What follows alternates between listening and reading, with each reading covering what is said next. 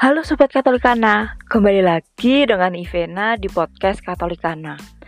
Gak kerasa ya, sebentar lagi kita akan merayakan Paskah, walaupun di tengah pandemi COVID-19. Tetapi ada kabar gembira bagi umat paroki Santo Yohanes Rasul Pringwulung Yogyakarta. Karena dapat melakukan ibadah secara offline.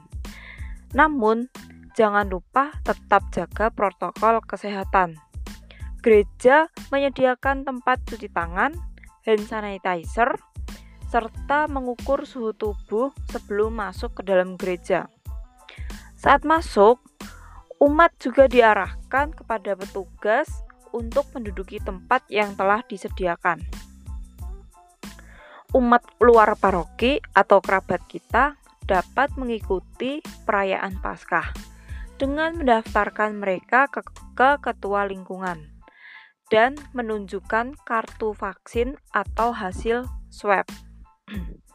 Adapun jadwal yang telah ditetapkan antara lain Misa Kamis Putih pada Kamis 1 April jam 4 sore dan 6 sore.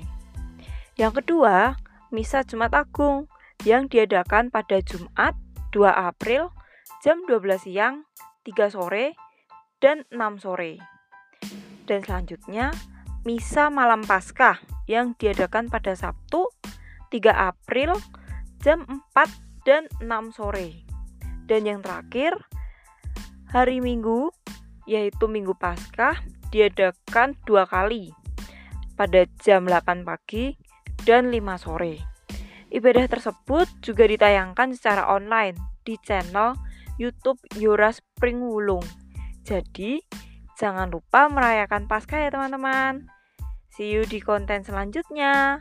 Terima kasih.